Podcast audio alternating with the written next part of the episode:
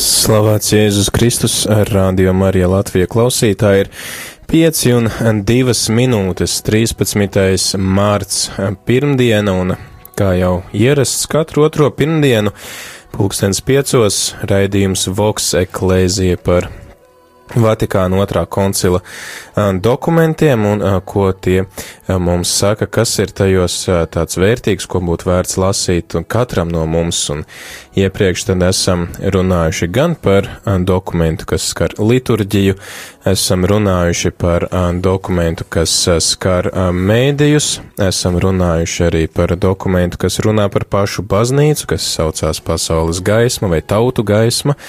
Taču šodien esam nonākuši pie tādiem veseliem četriem dokumentiem, kas runā par diezgan līdzīgu tematu, un te ir dokumenti, kas skar garīdzniecību, kas skar bīskapus, priesterus, klosteru ļaudis un arī tad priesteru sagatavošanu, jeb semināristus. Ar tevi ēterēs mēs priesteris Pēteris Skudri, kā parasti šajā raidījumā, un man līdzās šoreiz ir arī priesteris Pauls Kļaviņš prieks jūs redzēt šeit. Labdien! Nu, labdien!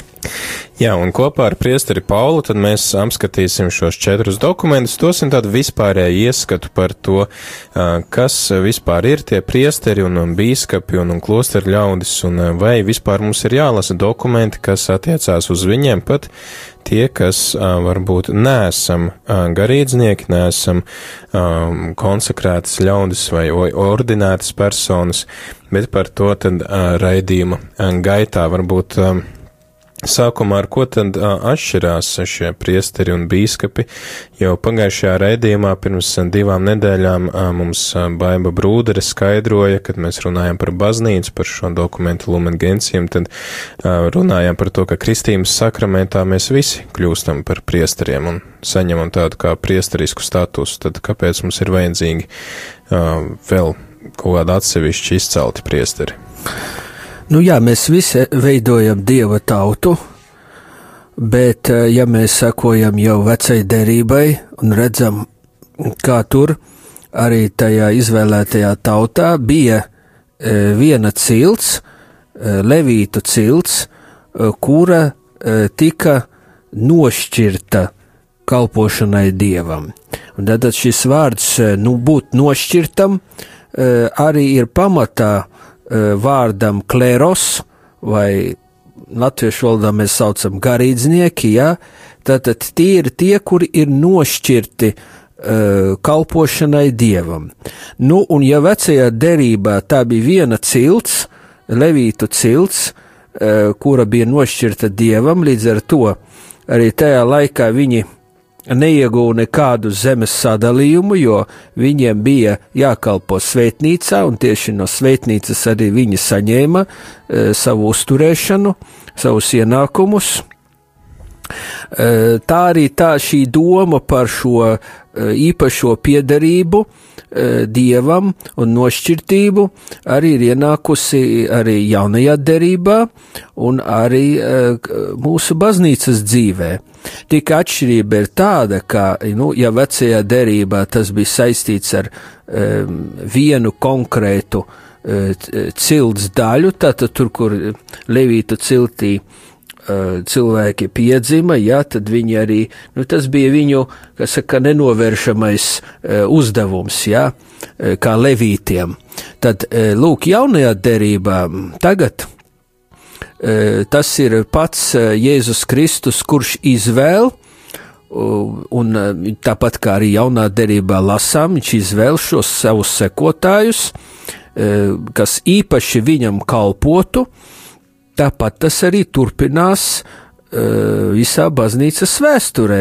Tad, tad pats Dievs izvēl, un lūk, nu, baznīcas uzdevums tad ir atkal izšķirt, E, šos dažādos um, kalpojumus, jā, un arī to visu kalpošanu garīdzniecībai, tātad arī nu, struktūrizēt, kārtot, veidot.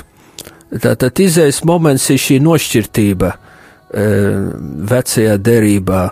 Un tā arī jaunā derībā, tā garīdzniecība, protams, tā nav nošķirtība no pasaules, kaut gan mēs varētu to attiecināt uz daļu no klosteru ļaudīm, uz daļu no uh, konsekrētām personām, bet principā tā ir dzīve šajā pasaulē, bet tā ir īpaša tātad, um, nu, kalpošana uh, dievam. Tātad īpašā, tādā atbilstošā kārtā, par ko mēs varam arī runāt vēlāk. Vai uh, konsekrētās personas ir tās pašas, kas ir ordinētas personas, ar ko atšķirās varbūt šie vārdi konsekrēts un ordinēts un priesteris un klosteru ļaudis, kā atšķirās šī, šis viņa aicinājums un misija.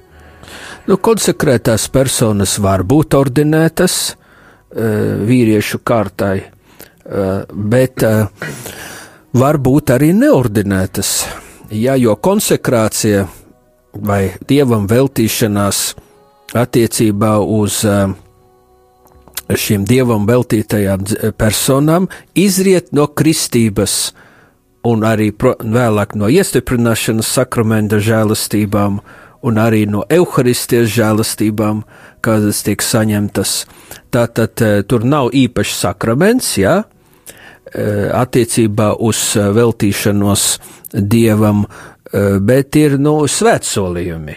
Ja, tad, tad tur ir šīs, šīs personas, kuras veltās dievam, saliek svētsolījumus. Tātad tie jau publiskas raksturs, ja, tātad jau salikti dieva priekšā, arī baznīcas priekšā ar dažāda veida nu, saistībām vai arī nu, ilgs, eh, to eh, ilgtermiņa Eh, attiecībām, ja tur var būt dažādas, sākumā nebūs uz visu dzīvi, ja sākumā būs varbūt uz kādiem īsākiem periodiem, bet katrā gadījumā viņi nesaņem eh, šo eh, īpašu sakramentu. Ja. Savukārt tie, kurus mēs saucam jau par ordinētiem, garīdzniekiem, nu, tie saņem sakramentu. Jā, tātad jau e, mēs tagad to saucam par ordinācijas sakramentu. Ko tas nozīmē ordinēt? Tas nozīmē piederēt šai konkrētajai kārtai, e, ordo ordinis, tas no latīņu valodas, e, tā ir konkrēta kārta. Ja? Var teikt, ka šis jēdziens nāk no romiešu laikiem, kur bija šīs dažādas kārtas, Un uh, ordinācija lūk, uh, nu, teikt, ieceļ uh, vai ie, iekļauj vai iesaista tādā konkrētā kārtā baznīcā, un tātad uzliek arī pienākumus, vai drīzāk šī persona brīvprātīgi uzņemās pienākumus, jā, un arī, nu, savā ziņā arī sola, kaut gan tas nav kā svētsolījums, jā, piemēram, ordinētam priesterim. Jā. Tas varbūt var nebūt tehniski e, kā svētceļojums, bet arī saistību uzņemšanās, jā, piemēram, paklausība savam bīskapam, jā, e, breviāra, lūkšanas skaitīšana un arī e, nu, celibāta pienākumi. Jā, tie arī tiek pieņemti e, nu, brīvprātīgi. Mm -hmm.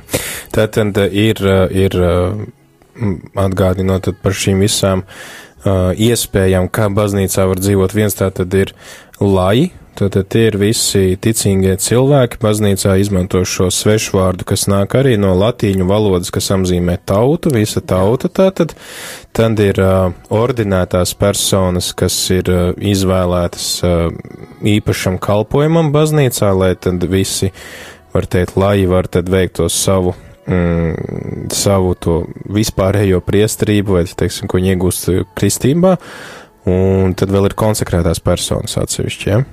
Jā, tieši tā, un dogmatiskā konstitūcija, ja nemaldos, numur desmit tieši runā par šīm attiecībām starp mm -hmm. ordinēto priesterību un vispārējo priesterību. Jā?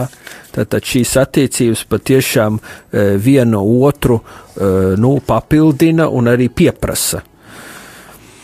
Jā, tad atgādināšu klausītājiem, ka šobrīd tu klausies raidījumu Voks Eklēzija, kurā mēs runājam par Vatikāna otrā koncila dokumentiem. Ar tevi ietrā esmu es priesteris Pēteris Skudra un man līdzās arī ir priesteris Pauls Kļaviņš, ar kuru tad mēs šodien runājam par dokumentiem, kas skar kalpojošo priesterību un konsekrētās personas. Tātad tas ir dekrēts par bīskapu pastorālajiem uzdevumiem baznīcā Kristus Dominus tas ir dekrēts par klosteru dzīves atjaunotni atbilstoši mūsdienu apstākļiem perfekta karitatis, dekrēts par priesteru formāciju optātam tocijus un arī deklarācija, ne, bet uh, dekrēts par presbiteru kalpojumu un dzīvi presbitērijiem ordinis.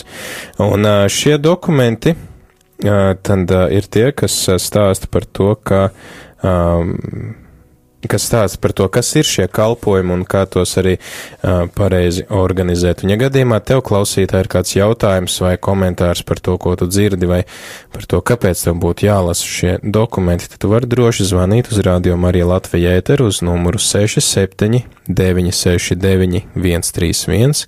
Tu vari rakstīt arī īziņas uz numuru 266 77 272, vai arī raksti mums e-pastu uz studijāt rml.lv, vai arī sazinies ar mums Facebookā vai uh, Twitterī, bet tagad laiks dziesmai.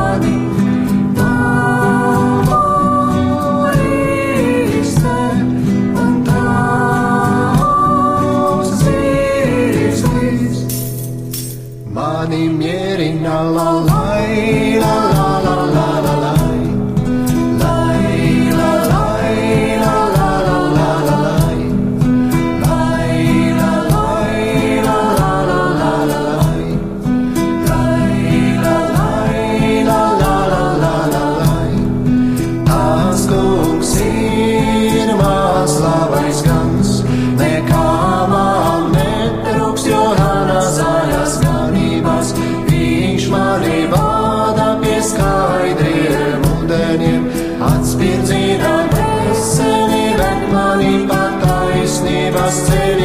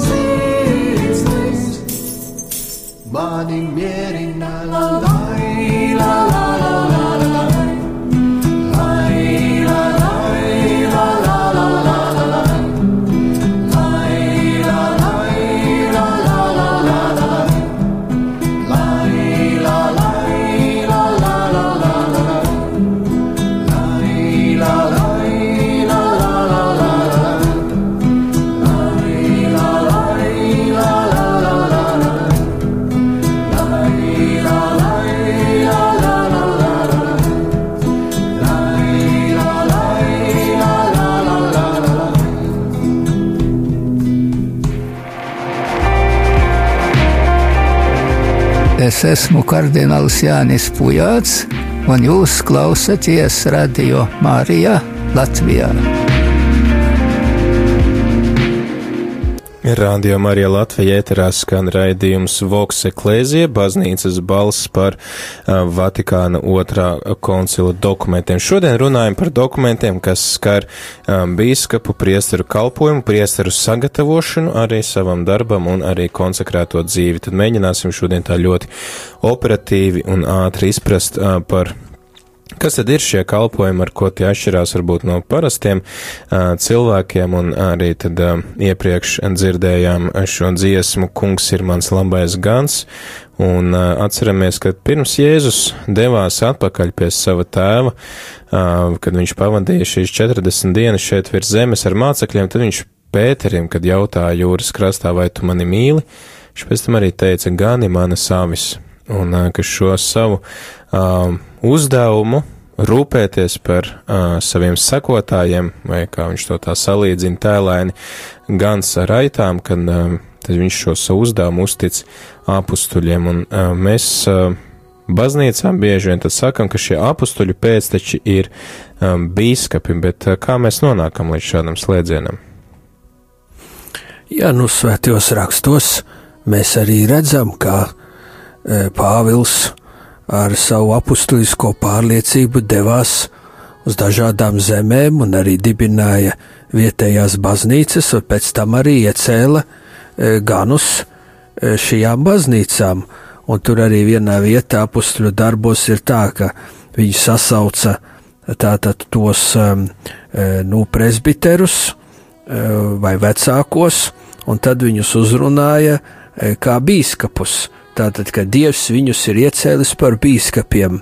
Tātad bīskaps e, no grieķu valodas nozīmē pāraudzītājs vai pāraugs, episkopos. Tātad tas, kas e, lūk, pārskata to vietējo baznīcu. Un, protams, viņš to dara nu, Jēzus Kristus pilnvarots, jā, un arī baznīcas pilnvarots. Lūk, bet, nu, gadsimtu gaitā bija izveidojies tā, ka, nu, eh, bīskapi, nu, vēsturiski nevienmēr bija savās teritorijās, un arī e, dažkārt, nu, īpaši ar Pirmo Vatikānu koncilu, pārāk liels uzsvars bija tieši jau uz to minēto Romas pāvesta e, primātu, e, viņa arī šīm īpašajām pilnvarām, Un tā arī tika uzskatīts, nu, ka Vatikāna pirmais koncils uzskaitās tā kā nepabeigts, kamēr šis jautājums pār uh, bīskapu kalpošanu un viņu lomu nu arī netiks, kā saka, integrēts un izskatīts un padziļināts. Un lūk, un tieši šis uh, dekrēts uh, tātad to arī dara. Nu, tur uzsvērts uh, tas, ka uh, Eh, bīskaps no vienas puses jā, ir atbildīgs par savu diecēzi, bet arī no uh, otras puses ir atbildīgs arī par vispārējo baznīcu. Uh, tas nozīmē, ka tā ir tā teritorija, kur bīskaps tā ir atbildīgs par. Ja? Tieši tā, nu tā ir kā vietējā baznīca, uh, kur tātad bīskaps ir šis virsgans. Eh, tātad galvenais eh, liturģists, galvenais arī eh, nu, ticības patiesības sludinātājs un arī mm, svētdarītājs. Un pārējie, nu, ko mēs runājam, presbiteri ja, vai priesteri, viņi ņem dalību bīskapa apustuliskajā kalpošanā. Tad, tad tur nav, nav domāta kaut kāda, nu, ka tagad uh, kāds to dara pats pa savu galvu, bet principā tā ir viena tāda organiska uh, savstarpēju attiecību veidošana, kur katram ir savas pilnvaras. Un tātad, ja runā par bīskapu, tad bīskapam, uh, protams, ir rūpes vispirms par savu vietējo baznīcu, par savu diecēzi, bet dokuments arī norāda par šo uh, aicinājumu uz plašāku skatu. Ja? Un eh, tad lūk, ir šis koleģialitātes princips, saskaņā ar kuru bīskaps veido attiecības gan vietējā reģionā, un tātad dekrēts runā par dažādiem e, tiem mehānismiem, kā to darīt, un tāpat arī e, vispārējā baznīcā. Arī bīskaps iesaistās. Uh, nu, cik tas ir iespējams. Tātad tas ir atkarīgs, protams, ir no, no konkrētās bīskapies, no, no, no tās uh, situācijas, kāda ir ja, uh, uz vietas. Un tad vēl ļoti svarīgu akcentu dokuments liek uz bīskapa attiecībām ar saviem priesteriem vai presbiteriem. Jo, lūk, nu, tas hierarhiskais modelis, kāds dominēja nu, pēc uh, Tridentes koncila vai vēlāk vēl 19. gadsimtā e, kaut kādā veidā nu, e, attālināja, var teikt, šo biskupu no, no saviem uh, priesteriem. Ja? Nu, tas, tas nenotika varbūt tieši apzināti, ja? tā attālināšanās, bet nu, tā tas tā notika. Ja? Un tāpēc arī, piemēram, šis pāvests ļoti akcentē, ka ir nepieciešama šī tuvība, nepieciešama sadarbība, kopība, tad, tad biskupam ar saviem, saviem līdzstrādniekiem, kuru vidū pirmie ir bijis, e, ir priesteri. Mhm. Pirmie, jā, ja? un tā tad, nu, biskupam ļoti ir, ir, nu, Var iedomāties tās grūtības, to visu līdzsvarot. Tātad gan to vajadzības par, par visas biskupies kopējo labumu, gan arī e, universālās baznīcas e, nu, prasības un vajadzības, un tāpat arī vēl e, rūpes par konkrētiem saviem līdzstrādniekiem un konkrēto pastorālo darbu e, savā diecēzē. Tā kā tas, nu, ir liels uh, uzdevums, nu, grūts uzdevums, grūta misija, par to ir, nu, mums jālūdzās par mūsu ganiem, lai, nu, uh, lai viņi spētu šo visu līdzsvarot, visus pienākumus. Tātad bīskapi ir tie, kas turpina šo Jēzus misiju, turpina, teiksim, tādu šo misiju, ko Jēzus uzticēja apustuļiem. Priesteri ir tie, kas viņiem palīdz, tātad viņi nav kādas atsevišķas tur autonomas vienības draudžu gani, bet īstenībā viņi ir tikai bīskapa pārstāvji konkrētā draudzē, kurš tātad bīskaps ir atbildīgs par visu savu teritoriju un, un priesteri viņam palīdz, bet tad kas ir ar visiem pārējiem? Ir, ir, ir kardināli un ir, ir pāves, tās ir atkal kādas atsevišķas uh, pakāpes vai, vai kādi ir tie? Nu, šie ir goda tituli, un arī šajā baznīcas hierarhijā, ja noteiktas, noteiktas pakāpes, bet par to, ko mēs šeit runājam, ja saistībā ar dokumentiem, ir šīs sakramentālās, ordinētās kārtas. Ja? Tātad arī pāvests ir Romas bīskaps. Tad, princip, viņš nesaņem nekādu īpašu sakramentu. Viņš ir Romas bīskaps. Tāpat arī kardināls. Ja, Paliek, paliek, kas, nu, var arī būt pat priesteris atsevišķos gadījumos. Priesteris tiek iecelts par, par, par kardinālu. Un tāpat arī bīskaps, protams, nesaņem jaunu ordināciju, kad kļūst par kardinālu. Tie ir tādi tituli, nu, kuri tie izveidojās vēlāk. Vēlāk jau eh, nu, viduslaikos, eh, tad, kad pāvestam bija nepieciešams eh, nu, atbalsts, tad tie ir tie tuvākie līdzstrādnieki pāvestam. Skaidrs, tad uh, ordinācijas sakraments tad attiecās tikai uz biskupiem un priesteriem. Nu, un, protams, uz diekoniem, neaizmirsīsim mūsu diekonus, kaut gan atsevišķa dokumenta nav koncilā, katrā gadījumā koncils tomēr ievirzīja arī to pastāvīgā diakonāta atjaunotne, e, kuras 50. gadsimtu mēs svinēsim šogad, 18. jūnijā. Tātad 50 gadi aprit, kopš pastāvīgais diakonāts tika ieviests. Tātad arī diakons, diakona kārta, tā ir ordinēta kārta. Tā ir ordinēta kārta, nu, un Bībelē jau mēs atrodam gan presbiterus, gan, gan bīskapus, gan diekonus. Un, protams, ir arī citi tur kalpojumi, ja, bet um, baznīcas tātad eh, šajā teoloģiskajā uh, pārliecībā, nu, to, tos citus kalpojumus kristieši veids bez, īpašiem, bez īpaša sakramenta saņemšanas. Tad, ja mēs runājam par ordinētajiem kalpotājiem, par šiem nošķirtajiem kalpotājiem, tad tie ir trīs diakoni, priesteri un bīskapi. Bīskapi tā tad ir tie, kuriem ir šī atbildība, un diakoni un priesteri tie, kas viņiem palīdz. Ja?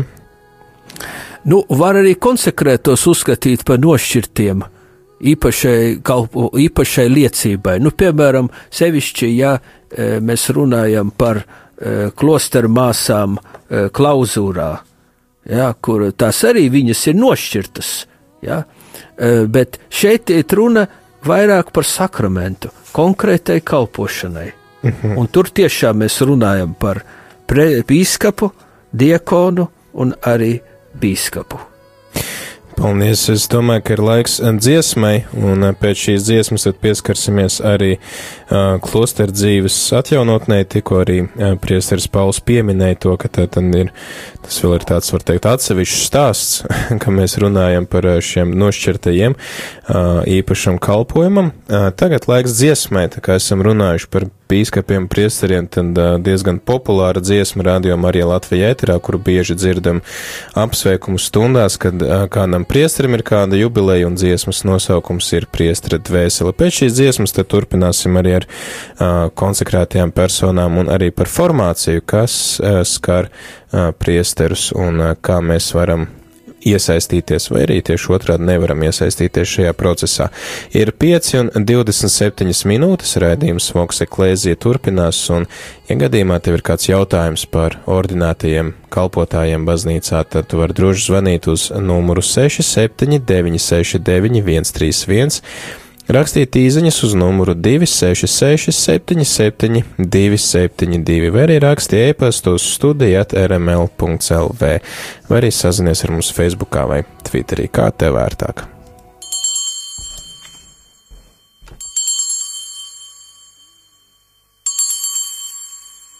Lēnām, lēnām, rokas ceļ hostiju, lēnām, pacelts ir biķeris, kungs tur redzi, strādā rokas tavās pasaulē par priesteri.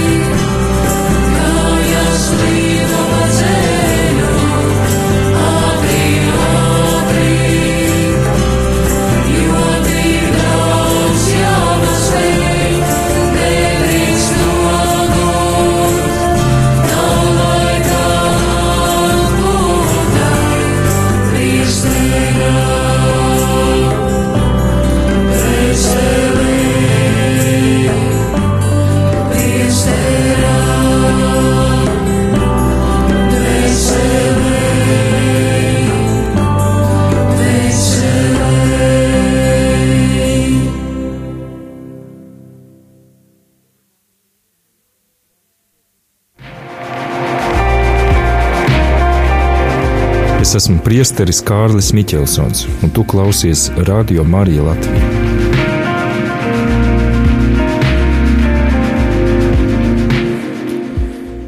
Radio Marija Latvija ēterā turpina skanēt raidījums Vokse Klēzija, ar tevi ēterā mēs priesteris Pēteris Skudru un man līdzās ir arī priesteris Pauls Kļaviņš. Un šodien mēs eh, turpinām lasīt Vatikāna otrā koncila dokumentus un šodien esam ķērušies klāt veseliem četriem dokumentiem uzreiz par tiem, kas skar tad bīskapu priesteru un konsekrēto ļaužu dzīves. Un tad iepriekš uzzinājām um, par to, ar ko atšķirās um, bīskapi no priesteriem un uh, ar uh, kāda ir viņu misija, tātad uh, nest šo uh, Jēzus misiju tālāk, rūpēties par viņa, uh, viņam ticīgajiem, un uh, priesteri un diekoni ir tie, kas uh, viņiem, viņam palīdz.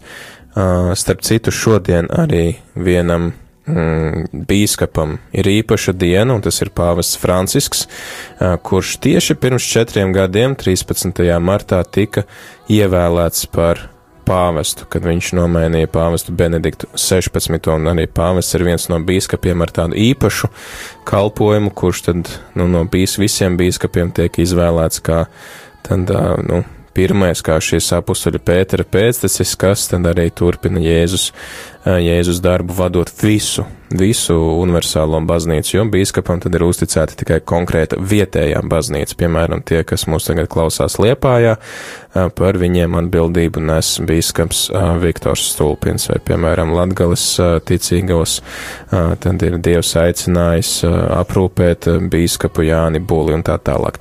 Bet tad pāvestu Francisku, kā pirmo no bīskapiem, Dievs ir aicinājis rūpēties par visu universālo baznīcu, protams, viņš to dara kopā ar visiem pārējiem bīskapiem. Lūk, tad eh, mēs iepriekš arī eh, pieskārāmies šim jautājumam par konsekrēto dzīvi. Kas ir konsekrētā dzīve un ar ko viņa atšķirās tad no uh, priesteriem un, un diekoniem un bīskapiem, ja viņi nav nedz ordinētie kalpotāji, nedz arī varbūt īsti lai, tad kas viņi ir? Nu, Jēzus teica savā laikā: Esiet pilnīgi, kā mans debesu tēvs ir pilnīgs. Un arī Vatikāna otrais koncils atgādina, ka mēs visi esam aicināti uz svētumu, bet lūk, eh, konsekrētās personas ir tās, kuras eh, izvēlas, var teikt, šos eh, īpašos apstākļus, kā liecināt par savu veltīšanos Dievam īpašā veidā, atbilstoši tai, specifikai, tai harizmai, kāda ir tam konkrētajam e, nu, institūtam vai kongregācijai vai kopienai. Bet šeit es gribētu tomēr norādīt ļoti svarīgu šo niansi, kad ja šeit dokumenti runā par klosteru dzīvi, mums nav jādomā uzreiz tieši par klosteri kā ēku, kur tā tad dzīvotu mūki vai mūķenes. Vārds klosteru dzīve šajā dokumentā tulko šo vārdu reliģiozi, reliģiozes, tātad um, personas, kuras ir veltījušas sevi dievam. Un tātad uh, šeit mēs nerunājam par cilvēkiem, kuri tikai dzīvo klosterī, vai kā mēs teicām, nošķirti, ja, kā, kā klauzūras māsas. Dievam veltītas personas arī var būt sekulārā institūta locekļi, piemēram, mums. Tas nozīmē, ka dzīvo pasaulē, mm -hmm. un pasaulē veido šo kopienu, nu kā mūsu e, prosanktitāte, e, oblātes. Viņas arī e, nesauc tieši sevi par māsām, bet viņas ir oblātes, tās, kuras ir sevi veltījušas e, dievam, viņas dzīvo pasaulē, un e, tieši pasaulē arī viņas to nu, veic savu šo konkrēto e, kalpošanu, un arī viņam nav, e, nu, dažkārt pat izteikta tās nu, atšķirības zīme. Nu, māsu, kā, piemēram, bezhabita māsas ķīpselā, kas strādā laicīgu darbu un reiz arī kalpo baznīcā. Ja? Tieši tā, tieši tā. Tie ir tādi jauni, nu, konsekrētās dzīves, dievam veltītās dzīves veidi, kuri ir attīstījušies. Nu, 9. 19. gadsimtā tas sveitīgais honorāts, ja, kurš ļoti daudz dibināja Polijā, šīs arī bezskabita māsas nāk no, nāk no, viņa, no viņa iedvesmas, ja, no viņa harizmas. Bet ir daudz, daudz citu, daudz visādu šo kopienu, ja, kuras tātad uh, uh, kuras locekļi var kalpot dievam, bet viņi liecina. Ne tikai tā ir individuāla veltīšanās dievam, bet tā ir arī liecība. Tā ir liecība arī pasaules priekšā nu, par tām vērtībām, Eh, kā paklausība, šķīstība, nabadzība, eh, nu, kuras tiešām eh, nu, mūs īpašā veidā nu, atšķir no pasaulīguma, ja tā var teikt. Tātad arī dzīvojot pasaulē, mēs esam aicināti atteikties no tā, ko Pāvests Francis sauc par pasaulīgumu. Un šis ir tas īpašais veids, kā mēs to darām, Eh, kā šīs personas to dara ar savu svētsolījumu, pieņemot svētsolījumus, tātad eh, nabadzībā, šķīstībā un paklausībā. Mēs šeit arī lasām, ka šī dekrēta nosaukums ir perfekta caritātis, kas no latīņu valodas nozīmē pilnīgā mīlestība. Par kādu pilnīgu mīlestību šeit ir runāts? Nu, es domāju par to šķīsto, tīro, agapisko mīlestību, kura kvēloja arī Jēzus sirdī. Jā, jo... Vai jautājums tad, vai, piemēram, tie, kas neizvēlās uh, konsekrēto dzīvi, vai viņi nespēja mīlēt ar pilnīgu mīlestību? Viņi mīl arī, eh, kas saka, arī var mīlēt ar šo karitatīvo mīlestību, bet viņiem ir arī eh, nu, šī mīlestības iespēja eh, nu, dažādota, jā, nu, to, ko mēs saucam eros, jā, vai arī šī filija, arī šāda veida mīlestība. Nu, nu, ir arī iespējama, jo nu, mēs jau nevaram uzreiz arī e, sasniegt šo nu, pilnīgo agapisko. Protams, ka tas ir, tas ir, teikt, pilnības aicinājums uz visiem, jā. Bet sevišķi šis perfekta karitātes, tātad šī, šī mīlestības pilnība, tātad, nu, attiecās uz tā saucamiem evaņģēliskajiem padomiem, jā kuri izriet no, no Jēzus mācības un arī, kā mēs sakam, šī debesu valstības zīme. Tātad šādā veidā, šādā veidā tā ir tā mīlestības uh, pilnība, uh, kura uh, tiek sasniegta šajā pasaulē. Tātad kā zīme, kā liecība. Um, nu, arī citi to var sasniegt, protams, um, bet šeit tas izpaužās kā īpaša zīme pasaulē. Tad, tad konsekrētie to varbūt mēģina darīt tādā īpaši uzskatāmā veidā, atšķirībā no varbūt pārējiem cilvēkiem. Tad. Nu, ka viņi tā īpaši atsakās varbūt no šīs pieķeršanās laicīgām lietām, vispār neko neuzskatot par savu, un ka tas tāds, nu jā, tāds redzams žests ir tad varbūt uz tam, uz ko visi mēs esam aicināti. Jā, nu tā ir zīme, bet es neesmu pārliecināts, ka visi to redz un, un ka, ka tas ir arī nu, domāts, ka, lai visi redzētu. Jo nu, ir, ir kloster, te jau tiešām jārunā par klosteriem, jā, kur nu, tas notiek klosteru ietvaros, un, ne, un, un patiesībā neko mēs daudz nezinām. Mēs zinām, ka māsas ir un viss, jā, Iekšķilē, piemēram. piemēram jā, bet, bet, bet tā viņas jau nekur, tā, nekur neiet uh, ārēji, jā, bet šeit jau iet runa par šo, par šo garīgo, par šo garīgo klātbūtni. Tas, ka šādas māsas ir un ka viņas lūdzās par mums, tam ir ļoti liela, uh, nu, garīgā dinamika, jā, mūsu vietējai baznīcai. Protams, ka tā ir zīme, bet tā, nu, tā ir zīme vairāk tāda, nu, iekšēja rakstura. Tā nav tāda zīme kā izrādīšanās zīme. Mhm. Jā. Tad paldies, paldies par šīm atbildēm. Tad vēl viens dokuments ir, kas runā, tad atkāpjoties atpakaļ pie ordinētajām personām par šo ordinēto personu formāciju un sagatavošanu viņu kalpošanai. Un Tad kas ir varbūt tāds īpašs, ko Vatikāna otrais koncils izceļ attiecībos formāciju? Tas attiecās, kas vispār ir atbildīgs par jauno priesteru formāciju, par viņu audzināšanu, izglītošanu un visu, tā teikt, nevajadzīgo iemaņu iegūšanu. Nu, koncils norāda, ka par semināru un topošo priesteru audzināšanu jārūpējas ne tikai bīskapiem, bet visai dieva tautai. Jā, Nā, kā tad, tad visa me... dieva tauta var Nu, visa dieva tauta pirmkārt lū, eh, eh, rūpējas un lūdzās jā, par, eh, ar lūkšanu, ar garīgo atbalstu, bet arī ar materiālo, kas ir ļoti svarīgs. jo bez dieva tautas materiālā atbalsta, nu arī mūsu seminārs nevarētu pastāvēt. Jā, tā kā lūk, tas ir, tas ir konkrēts atbalsts, ko dieva tauta um, arī veic attiecībā uz semināru. Bet, ja mēs runājam par šo formāciju uh, plašākā mērogā, tad, protams, ka uh, tas ir plašs jautājums, un es esmu iesaistīts šajā formācijā, esmu bijis iesaistīts.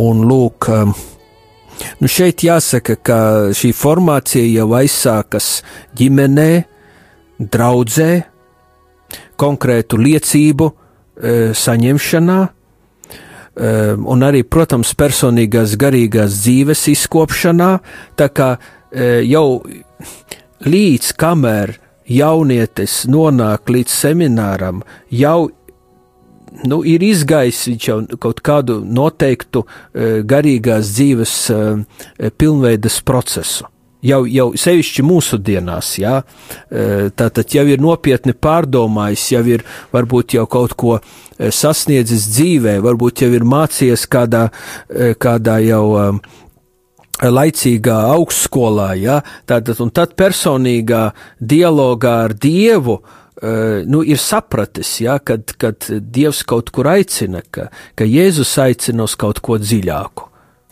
Tā kā seminārā jau nonāk jaunieši, no kuri jau ir, nu, viņi jau savā ziņā, viņiem jau ir, jau ir ielikti pamati. Un tad formācijā, lūk, jau ir jāskatās, kādi tie pamati ir, kāda tā izpratne ir, lai varētu, eh, nu, izšķirt. Tad jau semināra laikā, var teikt, galvenais ir šī izšķiršana. No vienas puses ir formācija, bet arī no otras puses izšķiršana, aicinājuma izšķiršana atbilstībai e, šim e, nu, priestera kalpojumam.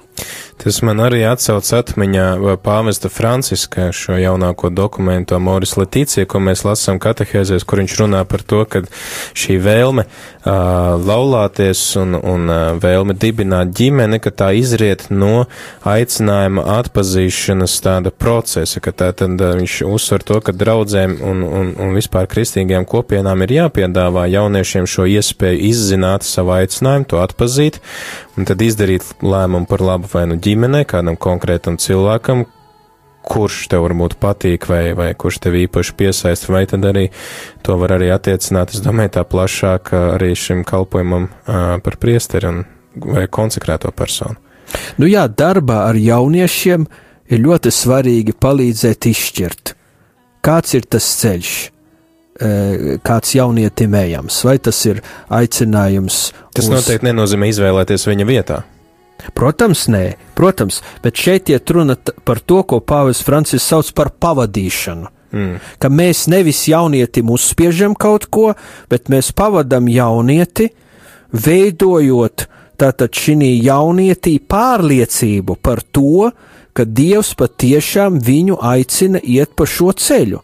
Un tas var notikt uh, nu, dialogā uh, ar dieva vārdu, tas notiek lūkšanā, tas notiek uh, konkrētā arī pastorālā darbībā, draudzē vai kopienā, kur tātad jaunietis gūst savu garīgo pieredzi un arī reliģisko pieredzi un gūst tātad arī gandarījumu par to, ko dara. Tātad, e, principā, tātad aicinājums tas nav kaut kas teorētisks, bet e, principā tas ir kaut kas praktisks. Tas izriet no uh, konkrētas um, pieredzes, uh, kopienā, draudzē, attiecībās arī ar, ar priesteriem vai ar biskupiem. No turienes arī šis aicinājums var rasties un nobriest. Tas ir tāds arī aicinājums draudzēm pārdomāt to, cik draudzes ir tāda auglīga vide un cik ļoti ir iespējams katrā draudzē konkrēti tad jauniešiem arī atpazīt savu aicinājumu un saņemt šo palīdzību aicinājumu atpazīšanā. Tā kā tas tāds izaicinājums mums, mums visiem. Un es tieši arī šajā kontekstā gribēju tādu jautājumu uzdot, varbūt arī uh, raidījumam tuvojoties beigām. Uh, šie dokumenti runā par bīskapiem, par priesteriem, par konsekrētām personām. Lielākā daļa no rādījuma arī Latvijas klausītājiem tādu nav. Vai viņiem vispār ir jēga lasīt šos dokumentus? Ja ņem vērā to, ka nu, tas viņu dzīvi īsti tā nu neskar. Nu, es domāju, ka. Ja atskaita šo priesteru formāciju, kur mēs redzam, nu, ka jā, tur arī, nu, traudze ir līdzatbildīga par to, vai jaunieci atpazīst savu aicinājumu vai nē. Es domāju, ka šie dokumenti palīdz tomēr saprast nu, šo e, baznīcas kalpojumu daudzveidību. E, arī draudzēs, nu, liekas, nu, mēs tikai e, varbūt redzam tik dažus kalpojumus. Pārsvarā tas ir priestera, prāvesta, arī bīskapa kalpojums, un varbūt arī ir e, dievam veltītā persona tur kaut kur draudzes ietvaros, bet, e, nu, baznīca tomēr ir tas daudz kas uh, plašāks un dziļāks un, un daudzveidīgāks. Tas ir liels organisms, dzīvs, uh, svētā gara dzīvināts organisms, tā kā es domāju, ka šo dokumentu lasīšana, nu, bagātinās tomēr lasītājus un, nu, ļaus aizdomāties par to, nu, cik, cik šī katoliskās baznīcas dzīve ir, nu, bagāta un, un, un kādas atjaunotnes iespējas tajā paverās. Bet nu, šeit ir jāuzsver, ka šie dokumenti, par kuriem mēs tagad runājam, tās arī ir kā tādas ievirzes, kuras uh, pēc tam ir īstenojušās uh, nu, citos dokumentos, nu, piemēram, dekrēts par bīskapu kalpojumu. Uh, daudzas šī dekrēta atziņas pēc tam ir iegājušas um, kanonisko tiesību baznīcas likumu kodeksā kas iz, iznāca 1983. gadā. Tāpat arī jautājumi par priesteru uh, dzīvi un kalpošanu, par priesteru sagatavošanu, ja, arī uh, vēlāk tika aplūkoti sinodēs, pēc tam ir bijuši arī citi dokumenti, un tur ir norādīts tajos ievados. Jā, jūs esat uzskaitījis 15 dokumentus, kas ir sekojuši šim dokumentam par priesteru formāciju. Tieši tā, un šie dokumenti skar da dažādus aspektus, un šie dokumenti turpina, kā saka, iznākt. E, pavisam nesen iznāca e, jau pavisam atjaunots dokuments e, Ratio Studiorum. Viņš tagad papildina jau iepriekš izdoto, jā? Ja? Tad... Tieši tā, tas papildina iepriekš bija 1985. gadā, un tas papildina, tas tātad aizvien ņem vērā šo, iz, šīs izmaiņas, pasaulē, no kuras nāk jaunieši, ja? no kuras nāk priesteri. Un tātad ņem arī vērā šos, šos dažādos izaicinājumus priestera dzīvē. Un, un tātad šis dokuments nu, padziļina to, ko mēs šeit lasām. Tad tas ir tāds tikai vispārējais ieskats, kurā tad cilvēki var gūt priekšstatu par to, kas ir šī ordinētā un konsekrētā dzīve. Ja Vai... Es domāju, ka tas būs tikai priekšstats, un tāpēc e, no šī viedokļa e, tur nebūs nekāds zaudējums, ja arī lasīs kāds, kurš nepiedar šai kārtai.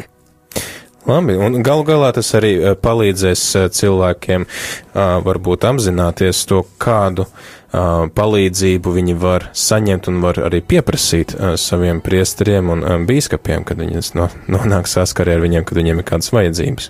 Nu, tieši tā, tieši tā, protams, tiesības vairāk konkretizē baznīcas likumu kodeks, varbūt arī tas tiks izdots, eh, bet katrā ziņā eh, nu, šie dokumenti atklāja to, ka mēs visi esam iesaistīti baznīcas atjaunotnē, un visas šīs baznīcas kārtas ir ļoti svarīgas baznīcas dzīvē. Jā, paldies, eh, Priester Pauli. Es domāju, ka ar šo arī jūsu tādu atziņu mēs varētu noslēgt to, ka mums katram ir īpaša vieta baznīcā un katram ir īpašs kalpojums un ir arī, eh, pateicoties eh, Vatikāna otrā koncila šiem dokumentiem, iespēja arī uzzināt, kādi šie kalpojumi ir, kādos mēs varam iesaistīties un kā mēs varam arī viens otru atbalstīt un uzzinot arī to, kāds kalpojums, lūk, piemēram, biskupiem, kāda milzīga atbildība viņiem ir, tas nozīmē, ka mēs arī varam ar šīm zināšanām tad īpašā veidā lūgties par viņiem, apzinoties to viņu, nu, varbūt sarežģīto misiju gan visas universālās baznīcas kontekstā, gan arī konkrētas vietējās baznīcas kontekstā lūgt par viņiem Un šodien īpašā veidā tad lūgt par pāvestu Francisku, kurš svin četru gadu jubileju kopš iecelšanas par pāvestu. Paldies, Priester Pauli, un uh, paldies, ka atrodat laiku, un es ceru, ka mums būs vēl iespēja runāt šeit ēterā kopā. Uh, novēlam arī jums visu to labāko jūsu kalpošanā, gan draudzē, gan arī seminārā, kā jūs minējāt, esat uh, aktīvi iesaistīts uh, formācijas darbā. Uh, klausītāji noteikti arī par jums lūdzās un uh, atbalsta jūs savām lūkšanām. Paldies! Jā, un klausītāji, tad paldies visiem tiem, kuri bija kopā ar mums, kuri klausījās. Mēs no jums šobrīd atvadamies ar dziesmu Confia in Dios, un esmu izvēlējies šo dziesmu spāņu valodā nevis tāpēc, ka man gribējās kaut ko tādu um, eksotiskāku, bet gan tāpēc, ka šo uh, dziesmu ir uh, izdevušas, iedziedājušas uh, klostermāsas Latīņa Amerikā, un viņas ir jau kļuvušas par uh, diezgan lielām zvaigznēm uh, visā visā pasaulē un uzstājas arī lielu auditoriju priekšā. Tāda roka grupa, ko ir dibinājušas māsas un kuras liecina arī tādā muzikālā veidā par savu aicinājumu liecināt par Dievu, stāstīt par viņu citiem un par šo mīlestību viņam. Ar šo dziesmu tad arī noslēdzam un gatavojamies svētās mīsas translācijai jau pulkstens sešos, un to jums palīdzēs arī nodrošināt mūsu brīvprātīgie Mareks un Inga, bet mēs no jums atvadamies. Visu labu!